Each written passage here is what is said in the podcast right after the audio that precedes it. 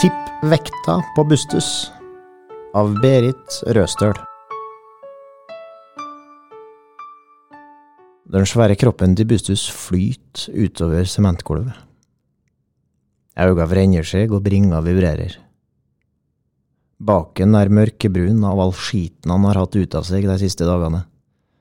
Jeg har prøvd å fylle på med sagflis, men galten sparker det bare bort. Vindauget er fullt av dogg fra den varme grisekroppen. Novembersola bryter lågt gjennom vassdråpene og treffer meg rett i panna, der jeg står lent over han. Jeg greier knapt å ta auga vekk fra denne sjuke, men velfødde grisen. Han var den første i et kull på elleve. To av ungene var så skrale at de bare levde et par dager. Bustus, derimot, ble større og sterkere for hver dag. Brøyta seg gjennom ungeflokken for å die, beit etter de andre grisungene og forsvarte trauet så snart han var stor nok til å ete sjøl. Jeg bestemte meg tidlig for at han skulle få bli den siste bustusen min. Kanskje blir han den største òg? Så setter kroken på døra for godt. Jeg sa det til lokalavisa da de ringte og ville ha en ny gris til konkurransen. Nei, på overtid, sa jeg. Både med dette og hint.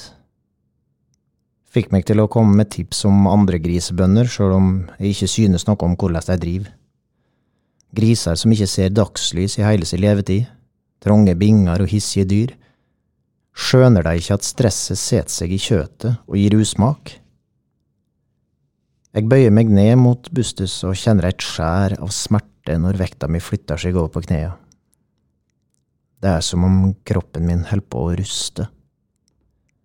Ledda er stive og føttene verker hver eneste natt. Er det ikke knea som krangler, så syr ryggen over et eller annet. Det er ikke fred å få. Jeg lirker febermålene inn mellom de skitne griseskinkene og blir sittende med kneet hvilende mot betonggulvet medan jeg venter på at måleren skal pipe. Stryk handa over den klamme skrotten. Jeg kan jo ikke miste han nå, bare noen veker før han skal slaktes. Risikere at alt arbeidet jeg har lagt ned, er til inga nytte. Om grisen er sjuk, så kan han ikke selges. Da er han ubrukelig. Det enkleste hadde kanskje vært å slå han i hjel. Jeg har nødvåpenet liggende i garderobeskapet i gangen. Om jeg får lokka han med meg ut av fjøsen, er det bare å sette skuddet i hodet på han, løfte grisen opp på traktorskuffa og kjøre han vekk. Jeg har vært grisebonde så lenge jeg kan huske. Var i fjøsen fra jeg var en neve stor og følgde med på alt far min gjorde. Lærte å kjøre traktor og harve opp åkeren. Fylte traua med matskrell og satt opp om natta for å vake over grisinga. Fremdeles dukker det opp ting som jeg skulle ha spurt far min om, men nå har jeg bare meg sjøl å spørre. Det pip hissig fra termometeret. Jeg tør knapt gløtte på de blinkende tala, så nervøs er jeg for at bustusen min har feber. Da jeg endelig ser på måleren, føler jeg meg svimmel. 41,8. Jeg stabler meg opp på føttene og studerer grisen som ligger rett ut. Det lange, slanke trynet. Ørene som er flortynne og som nå henger slapt ned. Den svarte tekninga over ryggen hans. Vi veit begge at han til slutt havner på bordet. At han, i den øyeblinken skuddet går av, går fra å være gris til å bli mat men ingen av oss er forberedt på at det kan ende slik. Han har korkje rørt tørt eller vått på flere dager. Det haster å få igjen næring om han skal holde seg i live. Jeg går ut i skålen og finner fram sekken med kraftfôr, fyller raust opp trauet og skyver det framfor grisen. Men Bustus bare ser oppgitt på meg og snur seg bort. Så kommer jeg på brødmaten som fremdeles står i bilen daggamle wienerbrød, skulevoller og frøhorn som jeg har fått fra butikken. Det som ikke blir solgt, har de pledd å legge av til grisene mine. Noen ganger er det så mye at vi har til kveldsmat hele veka, både Bustus og jeg. Jeg trasker over tunet. Snøen knaser under føttene mine. Jeg må støtte meg på bilen for ikke å fyke kold når jeg river opp døra til bagasjerommet. Stikk fingrene mellom den frosne boksen og finn et skulebrød til hver av oss.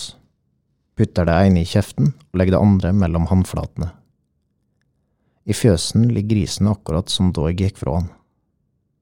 Jeg blir stående og varme skulebrødet mellom hendene før jeg deler det i små biter som jeg lirker under leppene og inn i grisekjeften. Nå må du ete, Bustus, sier jeg og sleiker i meg vaniljekremen. Medan jeg et resten av gjærbaksten, så tenker jeg på kransen som jeg skal kjøpe for slaktepengene. En grønn og fin julekrans med rød sløyfe og kongler. Kari, kona mi, lagde slike da hun levde. Satt oppe om kveldene og batt kranser til både slekt og venner. Surra granbar og kongler til hun blei sår på fingrene.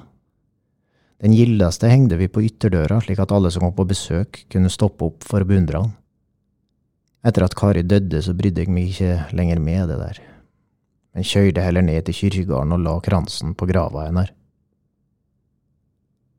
Jeg har levert griser til julekonkurransen i over 17 år. Det er en underholdning å se hvor dumme folk kan være. De har rett og slett ikke peiling på hvor tung en gris er. Tror kanskje Bustus er på størrelse med en stor hund eller en sau. Den nytilsatte journalisten fikk sjokk da han kom på besøk og skulle lage en reportasje om årets julegris. Han skreik da han fikk øye på Bustus inne i grisefjøset, som om det var et vilt dyr han hadde etter seg.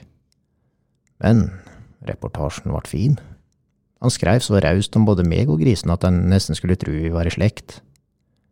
Til nå så er det bare én som har greid å tippe rett vekt. Det var en eldre kar fra Daugstad som tok det på grammet. Da jeg las det i avisa, så ble jeg så glad at jeg fant fram numrene i katalogen og ringte for å gratulere. Men gubben var så sur og tverr at jeg angra meg med det samme. En skam, var det, at grisen skulle ligge på julebordet i en slik heim. Hadde jeg visst at det skulle ende slik, så hadde jeg jo ete grisen sjøl. Nå er det bare 14 dager att til slaktebilen kommer kjørende opp den trange gardsvegen for å hente Bustus. Etter det vil jeg ikke lenger være grisebonde. Jeg har bedt deg om å komme så seint som mulig, slik at vi får god tid til å forberede oss, Bustus og jeg. Kanskje skal jeg slippe han ut på jorda en tur, slik at han får grave ifra seg før han blir innestengt. Trauet skal jeg fylle opp med kokte poteter, wienerbrød eller korn. Etter at han har slakta, kommer avisa til å trykke et bilde av den døde skrotten. Hvem skulle trodd at en liten grisebonde fra Vik skulle utrette noe her i verden? Jeg blei rett nok ikke professor som nabogutten eller doktor som barndomskameraten min, men jeg fikk navnet mitt i avisa minst én gang i året, og grisekjøttet mitt var så populært at jeg var utsolgt for juleribbe allerede ved sankthans. Etter at jeg har ringt dyrlegen, så blir jeg stående ved vinduet. Snøen faller så tett at jeg knapt kan skimte nabogården. Bare brumminga fra fossen ligger som en mollstemt melodi over det hvite landskapet. Det var ikke få dager jeg sto slik med kaffekoppen i handa og så på grisene mine. Flirte over hvor toskete grisunger oppførte seg, der de hoppa og spratt, var nysgjerrige på alt nytt og sprang etter alt som rørte seg. Purkene endevendte åkeren med trynet sitt leita fram både røtter og insekt. Nå ligger jordet lukka og aude. Til sommeren kommer det til å gro att. Om noen år står det kanskje en skog der. Jeg fanger en svart bil med kikkerten. Snøfokket står som ei sky etter han på den smale veien før han senker farta og tar fatt på bakkene opp til meg. Med det samme den skinnende stasjonsvogna svinger inn på tunet, så ser jeg at det er dyrlegen. Jeg setter på meg støvlene og griper tak i skistaven jeg har stående ved trappa, stavrer meg ut den sure vinden medan smertene går som piler gjennom føttene mine. Dyrlegen er høg og rank med hvitt, krølla hår og grå bart. Vi har kjent hverandre hele livet. Blei døpt med bare måneders mellomrom og gikk til pressen samtidig. Han satt som et lys på fremste rad, jeg helt bakerst sammen med de andre guttene fra fjorden. En gang sloss dyrlegen og jeg. Han rakk å få inn noen saftige slag før pressen kom og skilte oss. Så ble vi utvist og fikk ikke komme att før vi hadde bedt både hverandre og pressen om unnskyldning. Men blåmerka satt i lenge etterpå, og sjøltilliten min blei nok aldri heilt reparert. Det er glatt ute, sier dyrlegen og slår bildøra att bak seg. Om de ikke salter snart, så kommer det til å gå gale. Ja, du får passe deg i svingen når du skal attende, sier jeg. Ikke få som har kjørt ut der. Vi blir stående medan han åpner bagasjerommet, trer på seg fjøsdressen og pakker ut den svarte veska med reiskapen sin. Jeg hører du har sendt grisene, sier han når vi er på vei inn i grisefjøsen. Jeg nikker. Jeg har bare en ære at En plutselig gråt velter opp i meg. Jeg kniper att leppene, og tar meg sammen. Det hadde tatt seg ut om jeg skulle stå her og sippe framfor dyrlegen. Da skal du se folkesnakket hadde fått fart på seg. Du skal vel levere i konkurransen i år òg, sier han og nikker mot Bustus. Ja, jeg hadde tenkt til det. Dyrlegen ser seg rundt. Blikket stopper opp ved de møkkete veggene og de tomme bingene. Han skal til å si noe, så vender han seg mot den sjuke grisen att, lirker opp haspa og går inn i bingen. Bustus prøver å trekke seg unna, men den svære kroppen vil ikke lystre. Han krafser opp sagflisa med klovene og ser så hjelpeløst på meg at jeg bestemmer meg for å gå inn til han. Bøyer meg ned og klør han trøystende bak øret.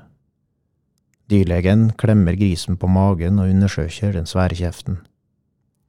Jeg finner heldigvis ikke tegn til raudsjuke, sier han endelig. Men feberen må ned så hjernen ikke blir for varm, legger han til og åpner den svarte veska. Tar ut ei sprøyte og kjører den inn i grisekroppen. Bustus rykker til og sparker stivt med føttene, før han blir heilt slapp. Jeg skulle hatt ei slik ei sjøl, sier jeg og akkar meg over de vonde føttene. Snart er jeg like vindskeiv som sommerfjøsen. Er det så ille? Spør dyrlegen og ser forundra opp på meg. Ah, med vinteren er det bare armo, sier jeg og følger han ut i bilen att. Idet han skal til å sette seg, så stopper han opp og snur seg mot meg. Orka du med alt dette? spør han. Jeg ser undrende på han. Skjønner ikke hva det er han vil fram til. Jeg skal levere denne busstusen så jeg er ferdig, sier jeg. Men etter det? Jeg svelger. Snur meg bort og let som om jeg ikke har hørt spørsmålet hans. Det har vært stilt i fjøsen siden den dagen jeg sendte flokken. Nå er det bare Bustus att. Jeg gruer meg til ikke å ha selskapet hans lenger til dagene blir lange og ensformige og det bare er meg her. Jeg har prøvd å være god mot grisene mine, har gitt dem reine binger, mat, stell, har latt deg få rote rundt i molla og være grisar. Da er det annerledes med de som driver lenger ned i bygda. Dyr som knapt ser dagslys og som biter halene av hverandre i desperasjon. Gneg deg helt ned til rota til det ikke er noe att. Purker som er avla fram for å være magre, slik at det ikke skal bli for mye fett i baconet. Ja ja, du Bustus, sier jeg til den sjuke grisen. Du har hatt det godt, du.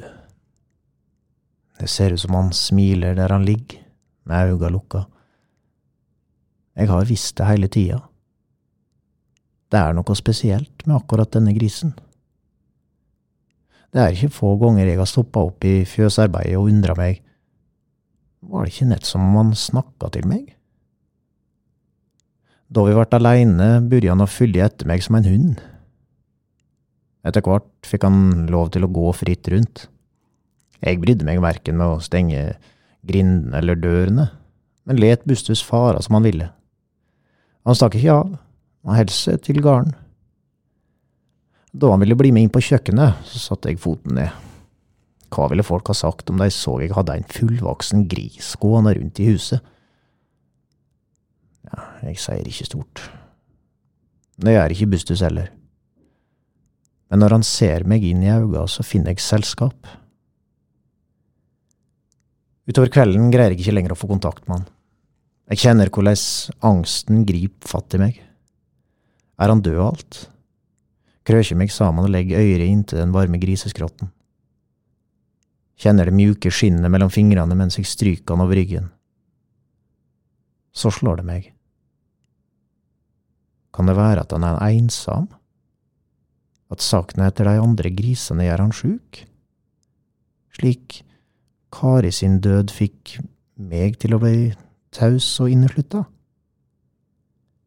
Jeg kvesser stemma og begynner å nynne på en sang jeg ikke har hørt på lenge. Jeg greier korkje sove eller hvile. Traver rastløs mellom huset og fjøsen. Kjenner hvordan smerta blir bitende og intens. Høgg til når jeg minst venter det. I stova blir jeg stående og se meg rundt i halvmørket, hutrer over hvor kaldt det er og vurderer om jeg skal fyre opp, men bestemmer meg for å la være. Det er vel ingen vits i å kaste bort fin ved når jeg ikke er her. Så får jeg øye på stolene i stova. Det ser ut som de holder hender der de står med ryggen til meg. Min med djupe sprekker over stolsetet, Kari sin stol med ei hekla pute i setet så det skulle være lettere å reise seg. Vi kjøpte hver vår stressless i brunt skinn på fabrikkutsalget på Ekornes. De var i dyreste laget, sjøl på sal, men vi bestemte oss kjapt, tjora det fast på lasteplanet på pickupen og kjørte hjem, medan vinden sang bak oss. Den siste jula vi feira sammen, var Kari så dårlig at hun ikke greide å sitte oppreist, men lå rett ut i den brune skinnstolen. Hun visste allerede da at det var den siste vi hadde sammen, men hun sa det ikke til meg. Skrytte bare av det møre kjøtet og kalla meg for grisebonden sin. Hun ga meg en kniv i gave. Skaftet var skåret ut av elgbein, og på slira var det tegna en gris. Etter at jeg hadde pakka opp, så la jeg kniven på peishylla, og der er han lege i 17 år. Jeg har bare tatt han opp og sett på han en sjelden gang. Nå plukker jeg opp kniven og slipper den ned i de rommelige lommene mine. Så bikker jeg stolen over på sida og ruller den ut i gangen, nedover murtrappa og ut på tunet. Der stopper jeg og blir stående og stirre på nattehimmelen. Omrisset av skytten er teikna opp som et digert nett over meg. Jeg blir stående lenge. Heilt til frosten napper i meg og legger seg i nupper under fjøsdressen. Først da tar jeg tak i stolen og ruller den videre, inn fjøsdøra, over den slitte sementen på fòrbrettet og inn i bingen til Bustus. Når jeg endelig er framme, så er jeg så utkjørt at jeg må sette meg ned for å få att bussen. Lysrøyra blenkjer og får meg til å føle meg svimmel. Jeg blir sittende og stirre på de gule veggene med flekker av skit medan jeg drar kniven ut av flira. Sporven fikk i skytteltrafikk mellom grana og fuglebrettet som jeg har satt opp. Riv løs store biter fra det harske grisefettet som henger et nett ned fra treet. Det snør tett nå. Snart er spora til dyrlegen og den nye bilen hans viska vekk.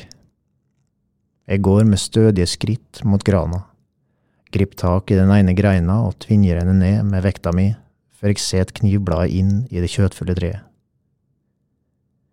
Bustus gliper så vidt med auga idet jeg kommer inn med granbaret. Men jeg har ikke tid til å se til galten nå. Snur meg og går kjapt ut att. Sliter meg gjennom snøen og bort til vognhuset der kjelken står lent inntil en vegg. Grip tak i det stivfrosne tauet og dreg han med meg over tunet, opp trappa og inn i stova.